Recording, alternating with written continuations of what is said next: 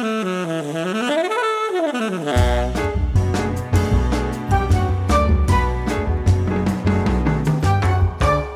lytter til Selvpodden, en podkast fra Senter for livslang læring. Uh, hei, Kjerstin, og velkommen til Selvpodden. Det er veldig trivelig å ha deg her. Og du har akkurat snakket med over 600 deltakere på Innlandet sin skolekonferanse om et tema som jeg vet betyr mye for deg, og, men også for meg. Temaet det var å skape laget gjennom faget. Uh, men aller først, kan ikke du fortelle lytterne hvem du er? Ja, jeg har uh, vært uh, mobbeombud i Oslo. Jeg var Oslos første mobbeombud um, fra 2017. Um, jeg har før det jobbet i skolen som skoleleder. Jeg har vært kontaktlærer, jeg har vært faglærer, jeg har vært vikarlærer. Ehm, så jeg er jo en person som er veldig glad i skolen, og som har eh, eh, vært på mange nivåer, både i skolen og utenfor skolesystemet. Og så har jeg vært så heldig å få lov til å bidra til en bok som heter 'Mobbeforebygging i et fellesskapsperspektiv', som kom ut i fjor. Og i den boka så skriver vi om fellesskapende praksis for å skape trygge og gode klassefellesskap der kommer laget gjennom faget inn som begrep. Fordi vi som har bidratt til den boken, er opptatt av å få frem at skal man skape et trygt og godt klassemiljø, så kan man ikke bare tenke at det handler om klassens time og klasseregler og kontaktlærerens rolle. Det handler om en, en praksis blant hele personalgruppa, egentlig, knytta til hvordan de ser på fellesskap. Ja, tusen takk. Og så må jeg jo eh, presentere meg sjøl òg. Mitt navn er Camilla Nygaard, og jeg jobber på Senter for livslang læring og er verten i dag. Um, men uh, du sier fellesskapende didaktikk. Uh, jeg tenker at det er et litt vanskelig ord for noen. Kan du jo beskrive, fortelle oss litt mer om hva du legger i det? Ja, som du hører, så er jeg veldig engasjert i å snakke om fellesskap, og fellesskapende didaktikk er jo en, en brikke inn i et større bilde som jeg tror handler om å ta på alvor hvor viktig og betydningsfull pedagogisk praksis er for å skape gode, inkluderende klassefellesskap. Og didaktikkbegrepet handler jo om hvordan vi utøver undervisning, hvordan vi planlegger og legger opp og gjennomfører undervisning. Um, og et veldig sentralt begrep i fellesskapene i didaktikk er jo det felles tredje. Det vil si at undervisningens mål, metoder og innhold er det som samler elevene. Og i klasser hvor læreren har i liten eller mindre grad en, et forhold til hvordan klassens indre liv preges av undervisning, så ser vi ofte at klassen f.eks først og fremst eh, skal jobbe med aktivitet som holder de litt i sjakk, kanskje. At det skal være stille og rolig, eller at eh, veldig skreddersydde oppgaver og, og, prosjekter som ikke alle elevene får delta på på lik linje. Um, og at det ligger nok et element av å forsøke å balansere undervisning som er inkluderende, med undervisning som er fellesskapende, som mange nok kanskje syns er litt utfordrende. Så gjennom begrepet fellesskapene i didaktikk så lanseres det i hvert fall en type forståelsesmodell av hvordan man skal ta høyde for at undervisningen skal oppleves meningsfull og tilhørighetsfremmende for flere. Og begrepet stammer jo fra Danmark, forskningsmiljøet i Danmark. Eh, så oppsto egentlig etter et forskningsprosjekt som primært så på mobbing i et med en sosialpsykologisk perspektiv, hvor man la merke til at undervisningens form og innhold eh, hadde stor betydning for hvordan elevene hadde det sammen.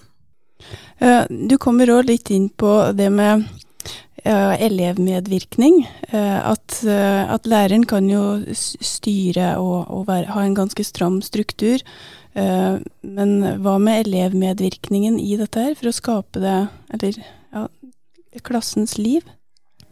Altså klassen, eller laget, består jo av unike ressurssterke enkeltindivider som har sin fortelling og sin erfaring og sine ønsker, og sine ting som de også nok er redd for, og som de vil skjule. Eh, slik det er i samfunnet og i voksenfellesskapet også. Og når man skal tenke gjennom en undervisningspraksis som rommer mer enn bare klassens eller elevenes faglig nivå eller prestasjoner, så er det viktig å ta hensyn til hvilke behov elevene også har, og hvilke behov de tar med seg inn i klasserommet.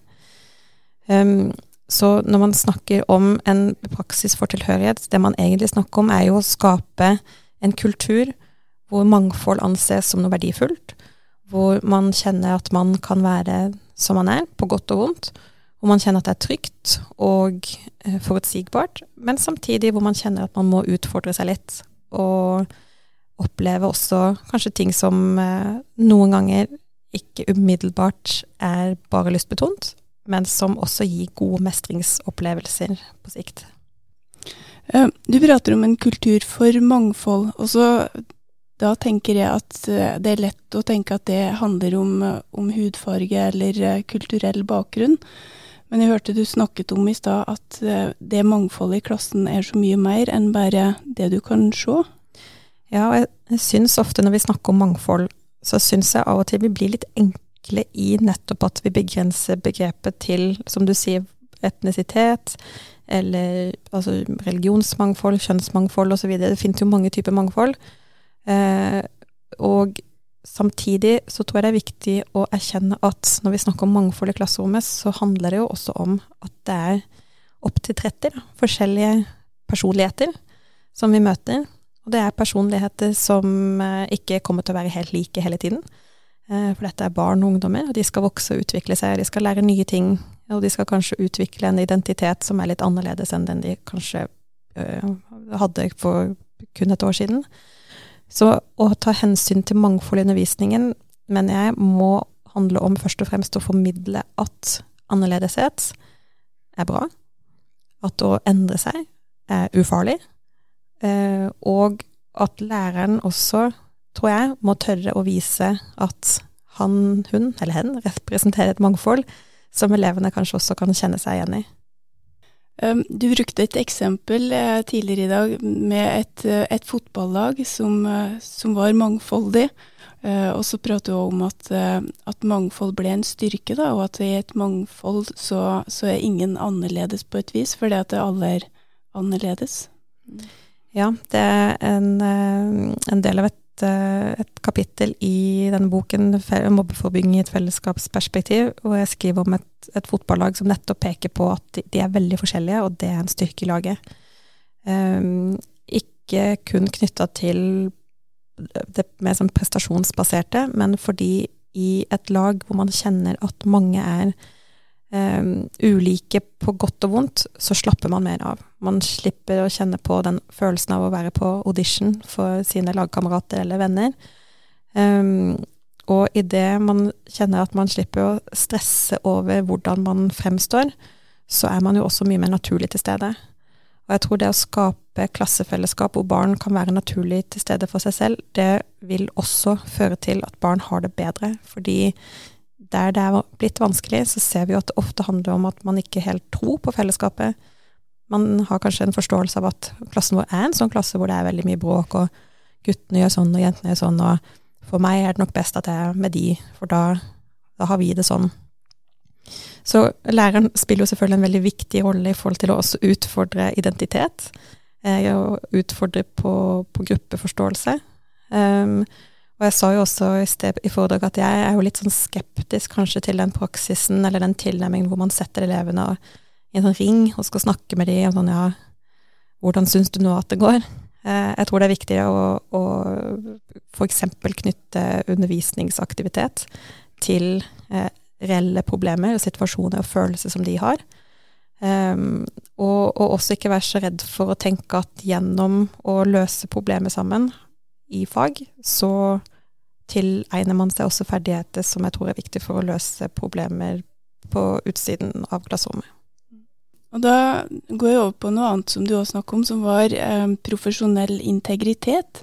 Eh, og, og, noen opplevelser som du, eller noen refleksjoner du har gjort deg i etterkant om det å, å være en profesjonell lærer med integritet. Eh, kan du prate litt mer om det? Dette begrepet stammer jo fra eh, lærerprofesjonens etiske plattform. Eh, profesjonell integritet er viktig for å sikre at profesjonsfellesskapet baserer praksisen sin på gode faglige begrunnelser, og at man samtidig innser at man aldri er ferdig utlært. Eh, integritet er jo et, et, ord som handler om helhet. Og det eksempelet jeg brukte, var jo min egen refleksjon knytta til undervisning, hvor jeg f.eks. har skreddersydd veldig undervisningsopplegg for enkeltelever fordi jeg har hatt behov for å beskytte dem, eller passe på dem, eller um, sørge for at de ikke får noen sånn nederlagsopplevelser.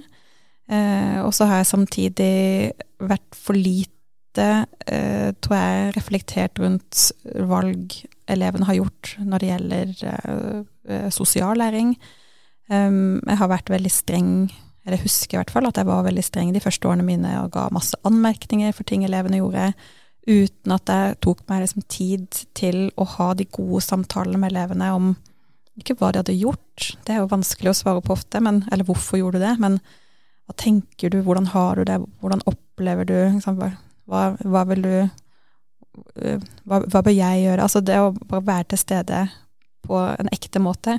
Og det er jo det jeg egentlig legger litt inn også i begrepet profesjonell integritet, det er at vi er ekte til stede, som er ekte mennesker, som møter eh, ekte mennesker på andre siden, ikke barn som vi liksom skal lære masse ting fordi de ikke kan noe, men mennesker som er i utvikling, som jammen har mye å lære oss også, hvis vi er åpne for det.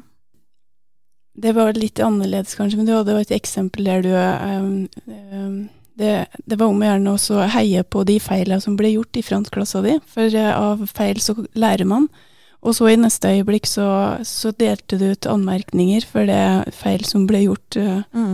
uh, utenfor kanskje klasserommet. Og det blir litt lik paradoks at vi kan mm. heie på noe i et øyeblikk, men ikke i et annet et. Ja, det, det er vel liksom når jeg ser tilbake på den tidlige praksisen, undervisningspraksisen jeg hadde, så er vel kanskje det det største paradokset.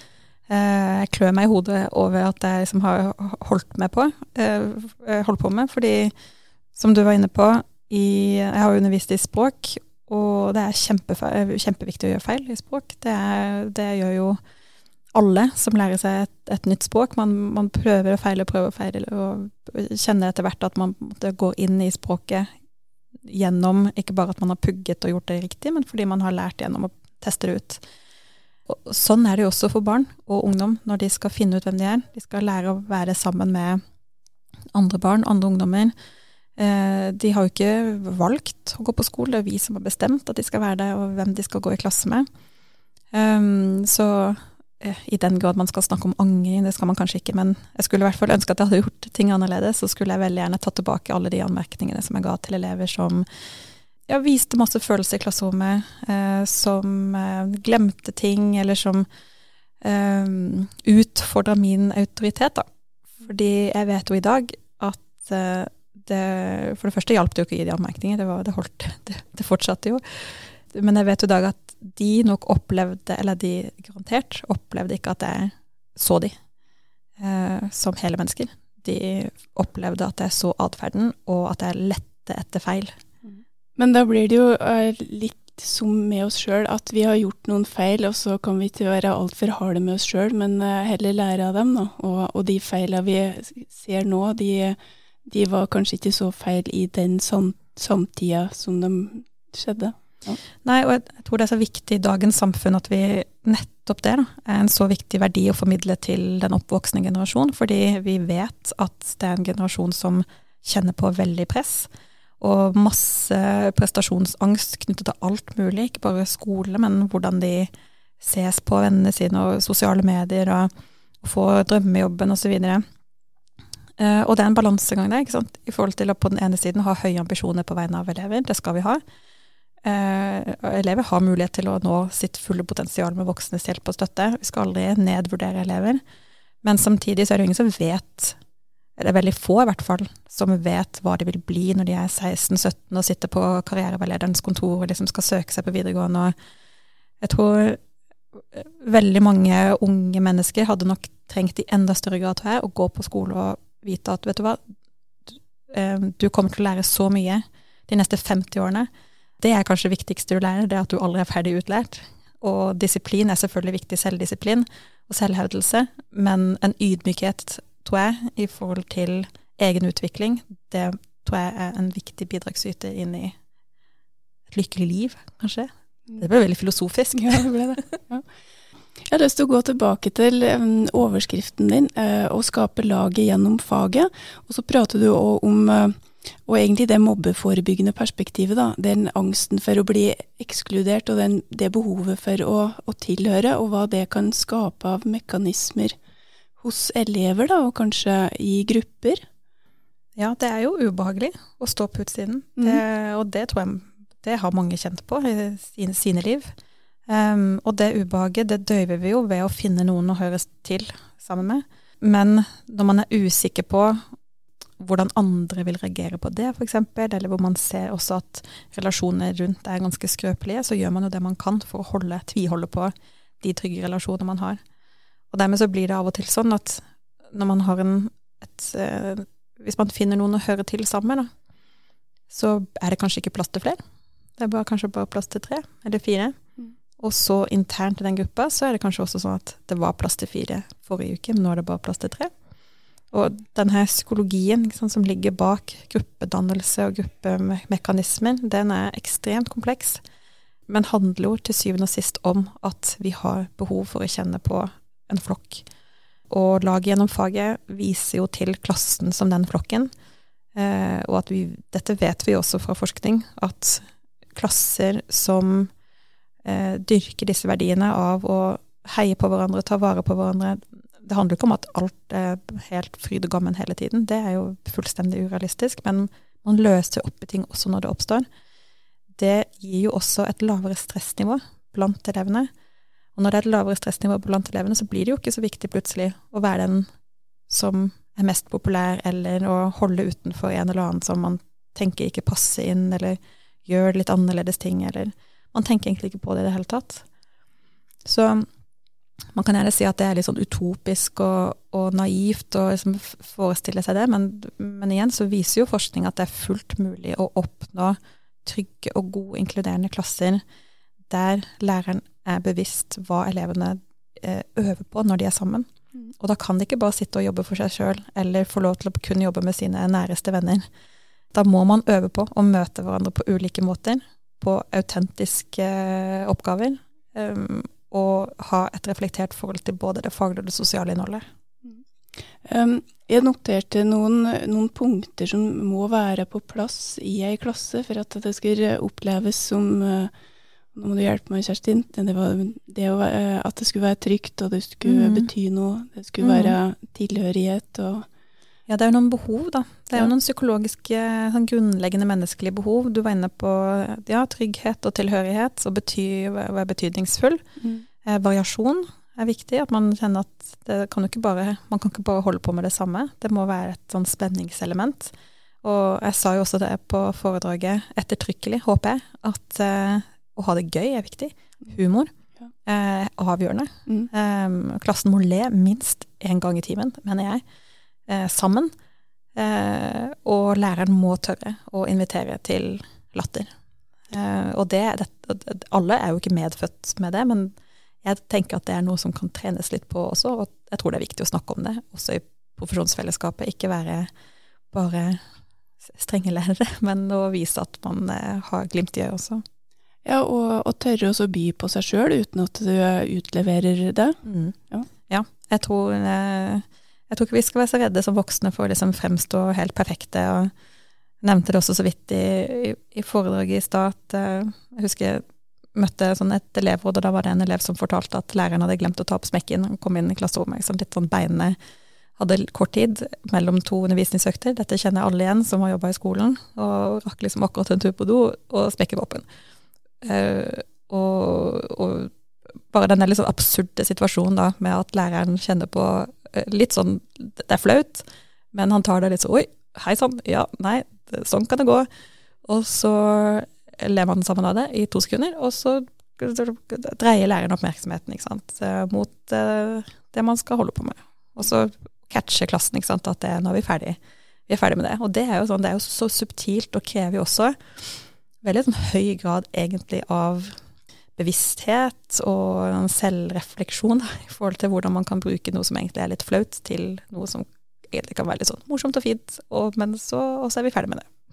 Ja, og det er jo en, en styrke hos de lærere som klarer å vri det til å bli noe positivt, i stedet for å, å kanskje ja, hugge ned på det. Bli, bli sure på de som ja, er. ikke sant. Ja. Mm. Men igjen, jeg må jo bare si at altså jeg hadde jeg hatt et skjult kamera på meg altså Jeg har gjort, jeg har gjort masse, masse med mine elever. Hvor jeg har vært eh, Altså, jeg var jo gravid, ikke sant. Jeg var Kjempehormonell. Altså, jeg har sagt eh, kjempedumme ting til eleven min, har sagt unnskyld etterpå. Jeg har um, Altså, lærere er jo uperfekte, vi også. Eller de også. Uh, og det er jo kanskje en sånn frykt som jeg har, som jeg også forsøker å balansere når jeg holder sånne foredrag som dette, at vi skal ikke være så redd for, tror jeg, å ikke få det til. Men det viktigste er jo bare å prøve å være til stede og liksom ikke bare kjøre safe uh, hele tiden. Og så tåler jo elever, altså hvis man går over en grense, da, f.eks. Og humor er jo nettopp noe sånt, at av og til så er det veldig vanskelig å vite hva som er gøy for alle. Um, og sier man unnskyld, så er det også læring. At elevene lærer at det er alltid mulig å, å gjenopprette en relasjon. Det tror jeg er viktig. Um, og det har jeg opplevd sjøl òg, at jeg har, jeg har, sagt eller gjort noe dumt med en elev, og så har jeg liksom kjent det både i ryggraden og i hjertet med en gang at uh, filler'n, dette var ikke så greit. Og så har jeg gått og sagt unnskyld. Og så har eleven kanskje blitt overrasket over at jeg kan komme og si unnskyld, og så er det jo det er selvsagt at de ber om unnskyldning hvis de har gjort noen noe gærent. Og den ryggmargsfølelsen du sier der, det er profesjonell integritet, tenker jeg. Ja. Magefølelsen. Mm, ja. ja. det å stole på at ja, nå, nå er det én ting å gjøre, og det er den rette tingen. Um, på slutten i dag så fikk vi et, et slags uh, gruppeoppgave eller spørsmål av deg. Hvordan vi måler kvalitet i fellesskapende praksis. Hva, hva, ser vi etter i et klasserom, og hva lytter vi etter i refleksjoner etterpå? Og det syns jeg var et um, litt vanskelig, men ganske gode spørsmål. da. At vi tar oss tid til liksom å, å se etter det som ikke blir sagt, eller bruke de to øra vi har, og se etter det som ligger bak. Ja, så øh, syns jeg jo at kvalitetsbegrepet, eller, eller liksom bare den setningen av hvordan måler vi kvalitet, det går jo frysninger nedover ryggen på ganske mange, sannsynligvis, når vi liksom får det spørsmålet stilt. Um, men jeg tror det er viktig å snakke om om vi lykkes med det vi har satt oss som intensjon, eller om det bare er at vi gjetter, da. At vi gjetter at det har gruppearbeidet fungerte godt for alle. Når vi kanskje ser på kroppsspråket f.eks. til to, eller tre, at dette var egentlig ikke helt ok likevel. Og jeg tror vi i skolen er altfor kjappe av og til til å trekke konklusjoner basert på veldig snevert kunnskapsgrunnlag. Eh, jeg er litt eh, stilte også litt sånn kritiske spørsmål til hvordan bruker vi skjema. Altså når vi skal stå i klasserommet med et skjema, lykkes eller ikke lykkes med fellesskap. altså så instrumentelt tror jeg ikke vi noen gang kan tillate oss å tilnærme oss pedagogikken eh, gjennom. Um, så litt av årsaken til at jeg stilte dette spørsmålet, var jo nettopp for det sant, å få eh, tilhørende til å kanskje tenke gjennom først og fremst hva slags dialogbasert praksis har de på skolen. Ikke bare mellom leder og ned til lærer, men mellom lærere også. Eh, og det ønska alltid jeg at jeg kanskje hadde hatt i enda større grad. Kolleger som kunne kommet og sagt til han Du, eh, han som sitter der med lettlesboka, liksom, hva Har du gjort deg noen tanker, da? om er, er, det hensiktsmessig, hva sier han, hva, sant, er, løper, løper, du noen risiko her når du har en som sitter med deg, og han sitter helt fremst og vet ikke, For jeg tenkte jo bare tilpassa opplæring. Ja, og, og, det tenker jeg er fint, og jeg mener ikke at vi skal ha måleinstrumenter, men det å ha noen jeg, litt vanskelige spørsmål som gjør at vi setter eh, lys på vår egen praksis, da, og ikke bare fortsetter å, å gjøre ting på autopilot fordi at det, mm. det er lettvint eller eh, det passer så fint nå. Ja, og da, da faller vi egentlig litt sånn tilbake til eh, laget gjennom faget, da, hvis vi skal sånn oppsummere gjennom det. fordi da må vi også snakke om hva slags lag har vi i profesjonsfellesskapet. Hva slags lag har vi mellom lærerne, mellom lærere og andre yrkesgrupper, mellom lederne og lærerne. Uh, fordi der skal det også være noe felles. Uh, og det skal være en felles kultur, og det skal være en felles forståelse av hvem vi er. Men det kan jo ikke være friksjonsfritt. Da blir det jo kjempekjedelig, og sannsynligvis ganske mye taus og lukka praksis.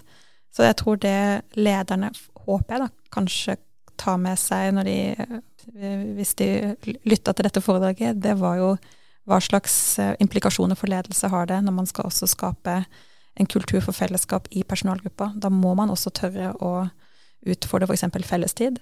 Sitte og høre på PowerPoint-presentasjon og lese forskningsrapporter eh, gir ikke automatisk da, et lærende fellesskap i personalgruppa. Så det er jo en sånn liten Jeg sa jo ikke det direkte, men jeg håper at det kanskje lekker gjennom litt sånn indirekte at det er jo noen sammenhenger her. Eh, det var et eh, råd eller tips til ledergrupper på skoler, men hva til lærere som hører på denne podkasten? Det er flere ting. Jeg tenker for det første å gå inn i profesjonsetisk plattform og lese det som står om profesjonell integritet, og reflektere gjennom er, dette, er jeg her? Er jeg denne kollegaen som er åpen om mine pedagogiske valg, eh, på hvilken måte og i hvilke fora? Hvordan utfordrer jeg mine kolleger på det samme? Hvordan spiller jeg de andre gode? Hvor god er jeg også til å etterspørre støtte og veiledning dersom jeg trenger det? Uh, og eh, som en også nevnte der inne, det er jo et sitat fra Gert Biesta, at all pedagogikk er egentlig noen sjansespill, risikosport. Altså man må tørre å ta sjanser. Um, det er kanskje et av de viktigste rådene som jeg vil gi. At man, at man tør å liksom ikke, helt, ikke, bare spille safe fordi man vet at elevene sitter stille og gjør det man skal, men å kanskje liksom røske litt tak i noe og gi elevene opplevelser av å møte hverandre på ulike måter. Og blir det vanskelig, så da har man, da har man jo lært noe. Alle har jo lært noe. Eh, selv om det ikke gikk som planlagt. Og kanskje lærer man noe bra av det også, som f.eks. evnen til å uh, håndtere uh, situasjoner som oppstår uten at man har planlagt det. Mm. Så ja, være litt modige, kanskje. Ja. Rett og slett tåle at det kan bli litt kaos og komme ut av kontroll, men at det, at det er læring i det òg. Å stå i det. Ja, et, eh, med forbehold selvfølgelig at alle elever er forskjellige, alle klasser er forskjellige, og alle lærere er forskjellige. Men, men eh, jeg håper at vi i fremtiden vil se mer eh, undervisning som ja, tør å slippe litt opp på kontrollen lærere som tør å utfordre hverandre litt på hvordan man tenker, og ledere som legger mer til rette for metodefrihet på den ene siden, men eh, er veldig tydelig på hva som gjelder eh, med tanke på elevsyn på den andre siden. Ja, og med det så tror jeg rett og slett at vi avslutter, ja, hvis du ikke har noe helt siste ord på tampen, Kjerstin. Jeg syns egentlig det var fine siste ord. ja, men det var det. Ja, det syns jeg òg. Tusen takk for at du kom hit i dag.